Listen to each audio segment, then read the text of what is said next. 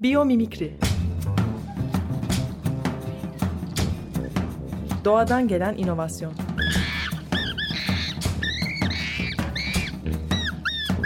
Hazırlayan ve sunan Zeynep Arhon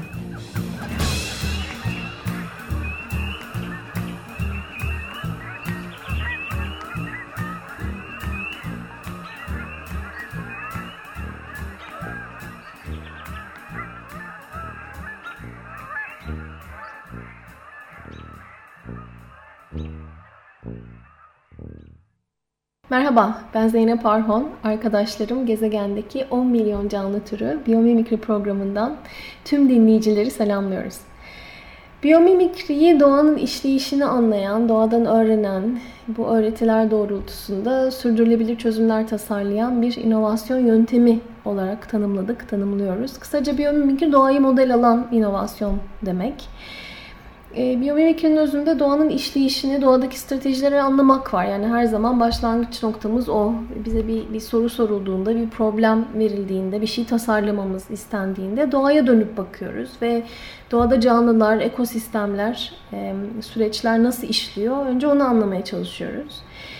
E, peki doğa nedir sorusu akla gelebilir. Bu soru çok mantıklı bir soru çünkü e, doğanın tanımı içinde yaşadığımız zamana, kültüre hatta bireysel tercihlere göre değişebilir. Doğanın ne olduğunu tanımlamak çok kolay değil. Tabii bu tanımın zorlaşmasının bir sebebi de doğallık sıfatının, kavramının e, aşırı derecede kullanılması tüketim dünyasında. Yani son 15 yıl e, yılla baktığımız zaman özellikle gıda ile ilgili ürünlerin üstünde işte doğallıkla ilgili bir mesaj e, görmemek neredeyse imkansız. E, herhangi bir süpermarkete girdiğimizde, gıda raflarının arasında dolaştığımızda hep böyle bir doğal, işte doğadan gelen doğallık mesajları göze çarpıyor. Ve tabii gıda sektörüyle de sınırlı değil bu kullanım. Ee, ürün tasarımında yani ürün tasarım dünyasında, endüstriyel tasarımda işte doğal malzemeler öne çıkıyor. İç mimaride doğal mekanlardan bahsediliyor. Tekstilde aynı şekilde doğal kumaşlar kullanılıyor. E, hatta tüketim dünyası bir yana yaşamın belli başlı mihenk taşlarında da karşılaşıyoruz doğal sıfatıyla. E, bundan da kastım şu işte doğal doğum, doğal evlilik, doğal ölüm. Yani doğal sadece ürünlerin, kumaşların, mekanların yanına yapışmakla kalmıyor. İşte doğum gibi, evlilik gibi, ölüm gibi hayatın mihenk taşlarını da tanımlamaya başlıyor.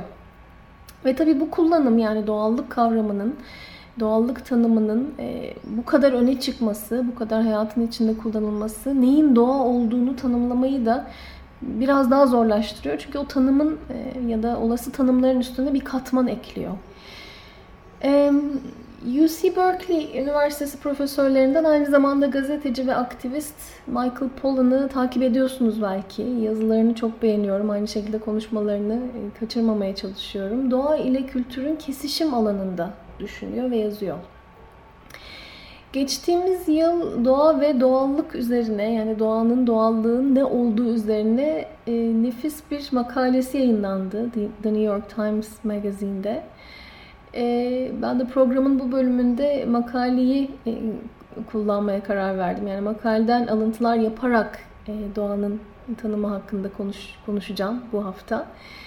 E, ve tabii biyomimikri doğayı nasıl görüyor, nasıl tanımlıyor? Konuyu oraya bağlayacağım. Çünkü e, biyomimikrinin bahsettiğimiz gibi özünde doğayı anlamak var. O zaman doğa nedir, nedir sorusunu sormak da bu programda mantıklı.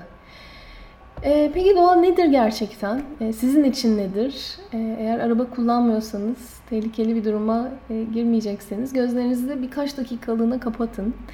Doğanın içinde olduğunuzu hayal edin. Nasıl bir, bir mekandasınız? Doğa sizin için nasıl? Nasıl bir yer? Aslında merak ediyorum. Yani keşke yüz yüze olabilsek, konuşabilsek ama tabii mecra buna izin vermiyor. Ee, belki yeşil bir yerdesiniz. Ee, bahar yağmurundan uzamış otların içinde uzanıyorsunuz. Ee, işte otların kokusu, e, çiçeklerin kokusu e, burnunuza doluyor. Ee, kuş sesleri belki duyuyorsunuz. Ve dinledikçe farklı tür kuşları fark ediyorsunuz. Belki ışıl ışıl akan tertemiz bir ırmağın kenarındasınız. ve belki nemli bir ormanın içinde yürüyorsunuz. Toprağın kokusunu içinize çekiyorsunuz. Belki deniz kenarındasınız. Ticarileşmemiş kalabalığın, plastik şezlongların, pop müziğin istila etmediği bir plajda güneşin batımını seyrediyorsunuz. Tüm bu olasılıklar mümkün tabii. E, birlikte şu anda konuşmamız mümkün olmadığı için varsaymak zorundayım. E, ve tabii e, şu anda programı dinleyen herkesin bu tanımlardan e, birini hayal ettiğini e, varsayamam, iddia edemem. Ama genelde şehirli insana e, doğa nedir sorusunu sorduğumuz zaman yani doğayı tarif etmesini istediğimiz zaman bu, bu tür cevaplar, bu tür hayaller duyuyoruz. Yani şehirden, şehir karmaşasından uzak, temiz bir yer tarif ediliyor ve o temiz yerde insan yok. Yani o temiz yer insanın olmadığı, insan aktivitesinin bozmadığı bir yer. E, Michael Pollan da e, makalesinde şöyle diyor. Something in the human mind or heart seems to need a word of praise for all that humanity has not contaminated and for us that word is now uh, natural. Yani insanın e, zihninin, kalbinin derinliklerinde yatan bir şey, zihnimizin, kalbimizin bir köşesi insanlığın henüz kirletmediklerini özetleyecek bir kelime arıyor ve çoğumuz için e, bugünlerde o sihirli kelime doğal. E, doğayı düşündüğümüzde kendimizi, insanı e, e, o yerin dışında tutuyoruz. O yerin e, dışında bırakıyoruz. Yani doğa dediğimiz yerde, e, doğa diye hayal ettiğimiz yerde insan yok. E, doğa insanın elinin henüz değmediği ya da değdiyse bile henüz kirletmediği, çok fazla o yere karışmadığı bir, bir e, kurtarılmış bölge neredeyse. Ee, ve tabii doğa kirlenmemişliği, saflığı, güzelliği, bütünlüğü ifade ettiği için doğal sıfatı da son derece olumlu düşünceler ve hisler uyandırıyor. Öyle değil mi? Yani e, doğal dediğimiz zaman hep güzel şeyler aklımıza geliyor. Hep bir tebessüm beliriyor yüzümüzde. E, evet doğal sıfatı olumlu ama bir o kadar da kaygan. E, tam olarak ne ifade ettiğini tanımlamak pek mümkün değil. Michael Pollan'ın da bahsettiği gibi. Ee, öyle ki geçtiğimiz birkaç yıl içinde Birleşik Devletler'de e, gıda üreticilerine doğal sıfatını yanıltıcı kullandıkları gerekçesiyle 200'den fazla dava açıldı. Yani e, işte patates ve mısır çerezi, meyve suyu hatta tavuk üreticileri bu davalardan nasibini aldı. E, ve davacıların iddiası şuydu. E, yani evet bu üreticiler doğal sıfatını kullanıyorlar ama ürünlerine baktığımız zaman öyle şeyler var ki bu ürünlerin içinde doğallıkla en azından tüketicinin aklındaki doğal kavramıyla hiç uyuşmuyor bunlar. Yani doğa, dolayısıyla o doğal sıfatı yanıltıcı bir sıfat.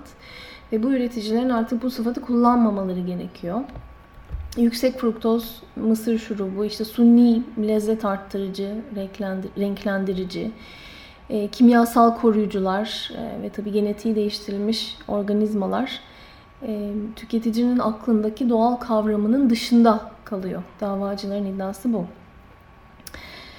E, bu noktada yine Michael Pollan'ın bahsettiğim makalesine e, döneyim ve oradan birkaç paragrafın çevirisini paylaşayım. Ee, seçtiğim bölümün çevirisi şöyle. Ee, insanın aklında ya da kalbindeki bir şey insanlığın henüz kirletmediği her şeyi tanımlayacak bir kelime veya terim arıyor sanki. Günümüzde o aranan sihirli kelime doğal. Doğallık bir ideal adeta ve bu ideal farklı ortamlarda dile getiriliyor. Sık sık kullanılıyor. Hastalıklardan korunmak için aşılanmaya karşı çıkanlar örneğin doğal bağışıklık dedikleri bir alternatiften bahsediyorlar. doğal bağışıklık hastalığın kaynağı olan patojene, virüse, bakteriye neyse maruz kalmakla gelişiyor. Bu gruba göre doğal bağışıklık aşı ile gelen bağışıklıktan çok daha üstün. Çünkü aşı olmak söz konusu patojenin insan tarafından laboratuvar ortamında deaktive edilmesi yani zararsız kılınması demek.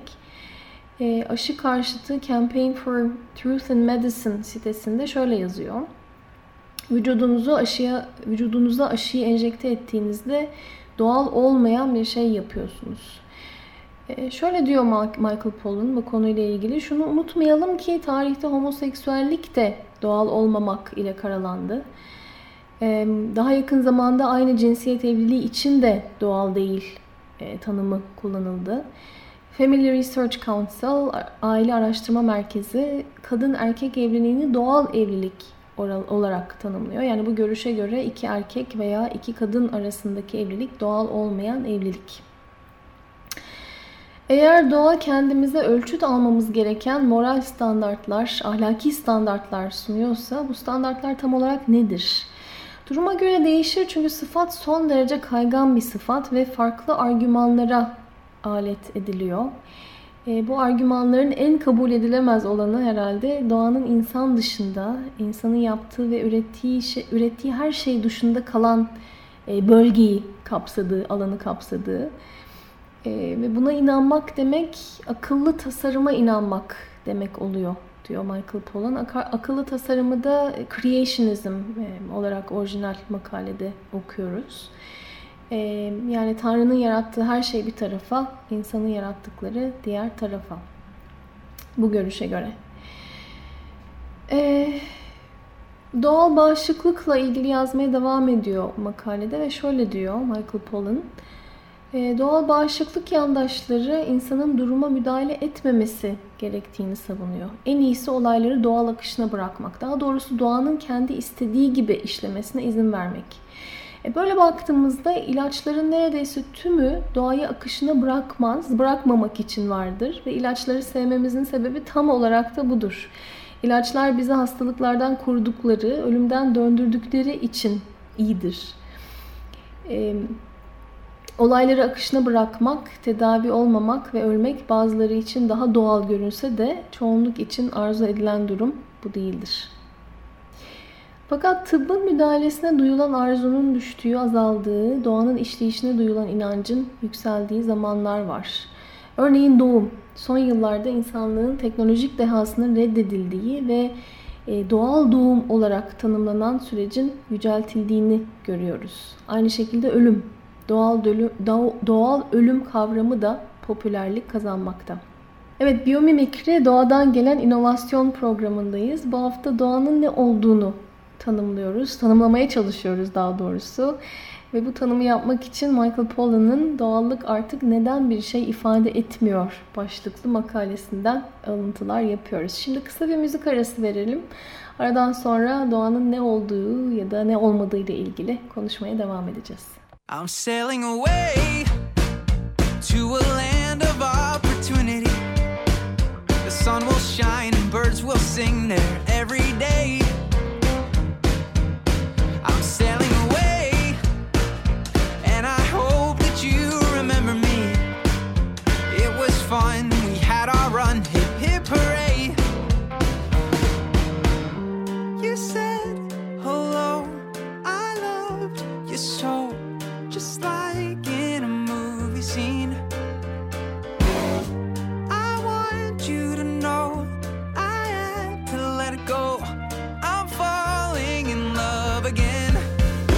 Running away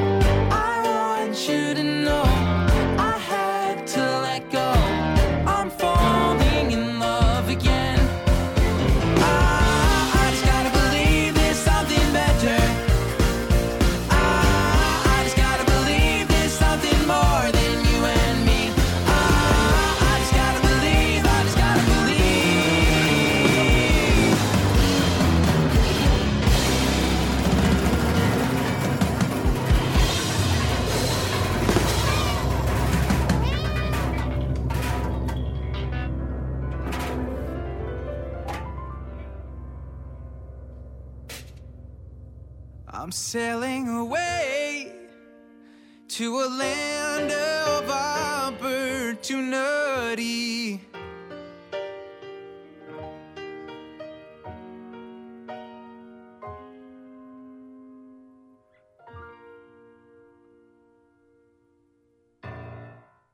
Evet, Biyomimikri Doğadan Gelen inovasyon programındayız. Programın ikinci bölümündeyiz. Bu hafta e, doğa nedir, doğal ne demek sorularını sorarak başladık programa. Ve bu sorular üzerinde biraz konuştuktan sonra Michael Pollan'ın The New York Times'da yayınlanan makalesinden seçkiler yapmaya, e, bazı bölümleri e, okumaya başladık. E, programın ikinci bölümünde de aynı konuyla devam edeceğiz ve doğanın ne olduğunu konuşmak için, irdelemek için makaleden alıntılar yapmaya devam edeceğim. Ve tabii programın sonuna doğru konuyu biyomimikriye bağlayacağım. E, ilk bölümü sonlandırırken makalenin doğal ölüm ile ilgili e, bölümünü aktarmıştım. E, bu ilginç bir kavram yani doğal doğum gibi şimdi doğal ölüm kavramının da popülerliğinden bahsediyordu Michael Pollan. E, ve bu konuyla ilgili bir sonraki paragrafı da şimdi sizinle paylaşıyor olacağım. Şöyle diyor Michael Pollan.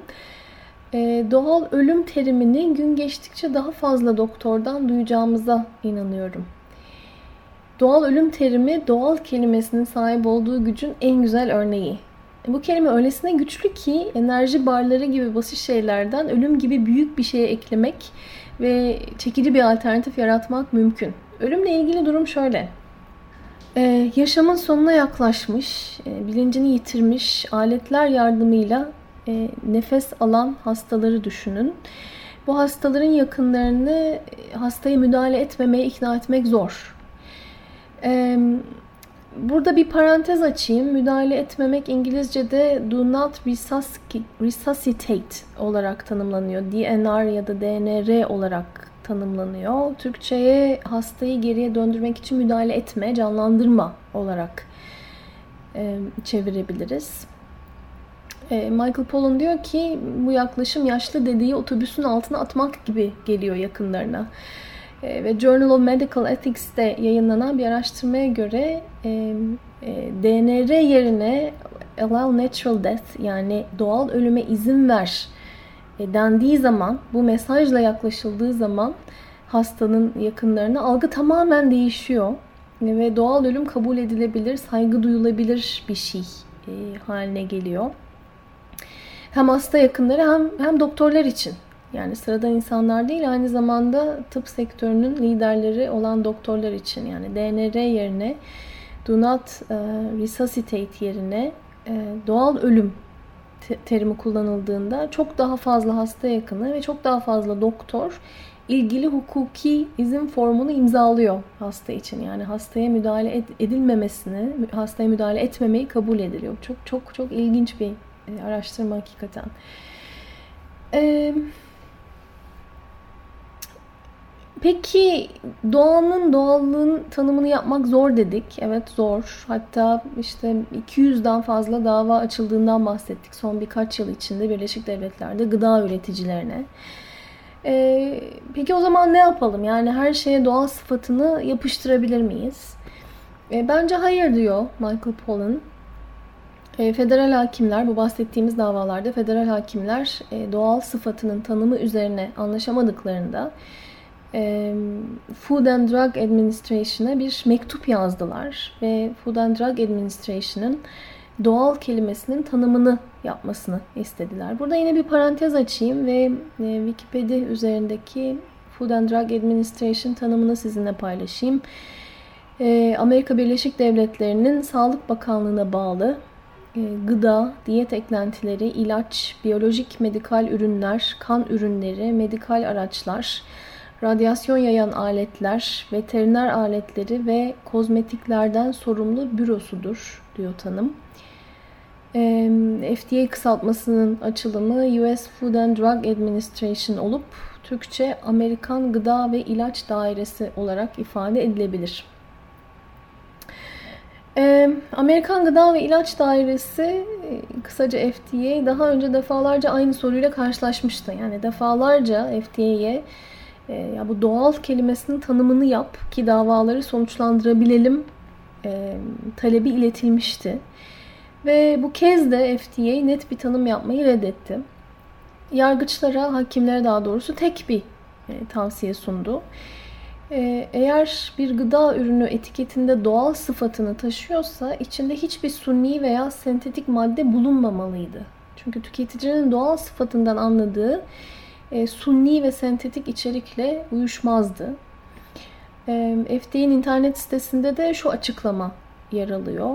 E, gıda ürününü doğal olarak tanımlamak zordur. Çünkü ürün büyük bir ihtimalle proses edilmiştir. Yani işlenmiştir ve artık gezegenin ürünü olmaktan çıkmıştır. Orijinal makalede Product of the Earth olarak e, geçiyor gezegenin ürünü. E, ilginç bir, bir e, tanım bu da. E, ve tabii bu açıklama satır arasında aslında gıda endüstrisine e, doğal sıfatını fazla zorlama diyor. Yani çünkü gıda endüstrisinin sattığı hiçbir ürün doğal değil, doğal olmayabilir aslında. Yani bir ürünün e, işlenmiş olması, belli bir süreçten geçmiş olması eğer e, doğal olmadığı anlamına geliyorsa, doğal sıfatını bu ürün için kullanmak zorlaşıyorsa o zaman gıda sektörünün sattığı hiçbir ürün doğal değil demek. Böyle bir, bir sonuca ulaşmak mümkün. Ama tabii bununla ilgili kesin net bir, bir karar, bir argüman bulunamıyor. FDA'nin sitesinde. Bu noktada makaleden alıntılar yapmayı bırakıp konuyu biyomimikri perspektifinden değerlendirelim. Arizona Eyalet Üniversitesi bünyesindeki biyomimikri yüksek lisans programında tasarımcıları, biyologları, mühendisleri, işte iş insanlarını bu alanda eğitiyoruz. Ve tabii eğitimin en başında biyomimikrin ne olduğunu anlatırken e, vurguladığımız mesajlardan biri de insanın doğanın parçası olduğu. Yani biz bu dünyanın bir parçasıyız, doğanın bir parçasıyız. E, bu gezegenin suyundan, havasından, toprağından e, yaratıldık, e, geldik. E, uzaylı değiliz. E, bu gezegenin yerlisiyiz. Ve bir canlı türü olarak varlığımızı sürdürebilmek için diğer canlı türlerin de türlerinin de varlıklarını sürdürmesi lazım. Yani hepimiz bu, bu gezegen üstünde birbirimize bağlıyız. Vurguladığımız mesajlardan bir tanesi bu. Ee, diğer canlı türlerinden düşündüğümüz kadar farklı değiliz ve kesinlikle onlardan kopuk değiliz. Ee, tabii hemen hemen her öğrenci grubundan aldığımız soru şu oluyor. Ee, bu, bu noktaları vurguladığımızda. İnsan doğanın parçasıysa insanın yaptığı, ürettiği her şey de doğal. Yani biz doğalsak yaptığımız her şey de doğal. Aldığımız kararlar, tüm davranışlarımız, inşa ettiğimiz tüm binalar, ürettiğimiz, tasarladığımız tüm ürünler de doğal. O zaman neden doğayı anlamaya ve e, onu yeni ürünler, süreçler, sistemler her neyse geliştirmek için model olarak almaya çalışıyoruz. Yani madem biz ve yarattığımız tüm medeniyet doğanın parçası o zaman biyomimikri neyle neyin arasındaki boşluğu kapamaya çalışıyor. Bu da çok güzel bir soru. Ve bu sorunun cevabı biyomimikrinin sürdürülebilir gelişimi nasıl tanımladığına varıyor aslında. Yani evet biz doğanın parçasıyız. Yarattığımız her şey de doğanın parçası. Ama bu yarattığımız her şeyin iyi tasarımlar olduğu anlamına gelmiyor. Ee, biyomimikri açısından iyi tasarımın tanımı yaşam için uygun koşulları yaratan tasarım. Yani e, uranyum doğal evet ama e, uranyum parçacığını yutun iyi bir şey olmuyor o zaman. Hayata gözlerinizi yumuyorsunuz. Ya da petrol tabii ki doğal. Milyarlarca yıl önce e, yaşamış canlıların aslında e, kalıntıları. E, ama onlarca kilometre yerin dibine inip onu yeryüzüne çıkardığımızda ve atmosfere karbondioksit olarak saldığımızda o zaman yaşam için olumlu koşulları yaratmış olmuyoruz. Yani her şey doğal ama doğal olan her şey yaşam için olumlu koşulları yaratıyor gibi bir şey de bir durumda yok. Ve biyomimikriyle e, yapmaya çalıştığımız şey e, yaşam için uygun koşulları yaratmak. Yani iyi tasarımlara ulaşmak gezegenin işleyiş koşullarına, e, yaşama saygı duyan e, tasarımlar. E, ve tabi burada tasarımı geniş anlamda kullanıyorum. Yani elle tutulur bir ürün de olabilir, kimyasal bir süreç de olabilir, elle tutamadığımız bir iş süreci de olabilir, hatta iş modelleri, iş ekosistemleri de olabilir. Evet doğanın tanımı ve doğadan ne öğrenebileceğimiz konuları kesinlikle ilginç konular. Bu konulara programın gelecek bölümlerinde de odaklanmaya devam edeceğiz. Biyomimikri Doğadan Gelen İnovasyon programının bu haftada sonuna geldik. Açık Radyo'nun internet sitesi üzerine podcast e, üzerinden e, podcast kanalına üye olabilirsiniz. Aynı zamanda biyomimikri.com sitesinde programın geçmiş kayıtları yer alıyor. Tekrar buluşana dek doğayla kalın. Biyomimikri Doğadan gelen inovasyon.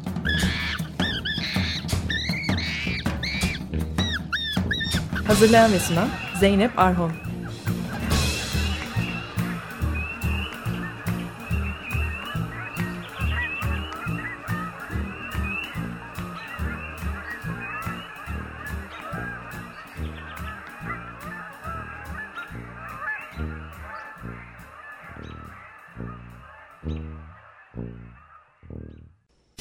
Radyo program destekçisi olun. Bir veya daha fazla programa destek olmak için 212 alan koduyla 343 41 41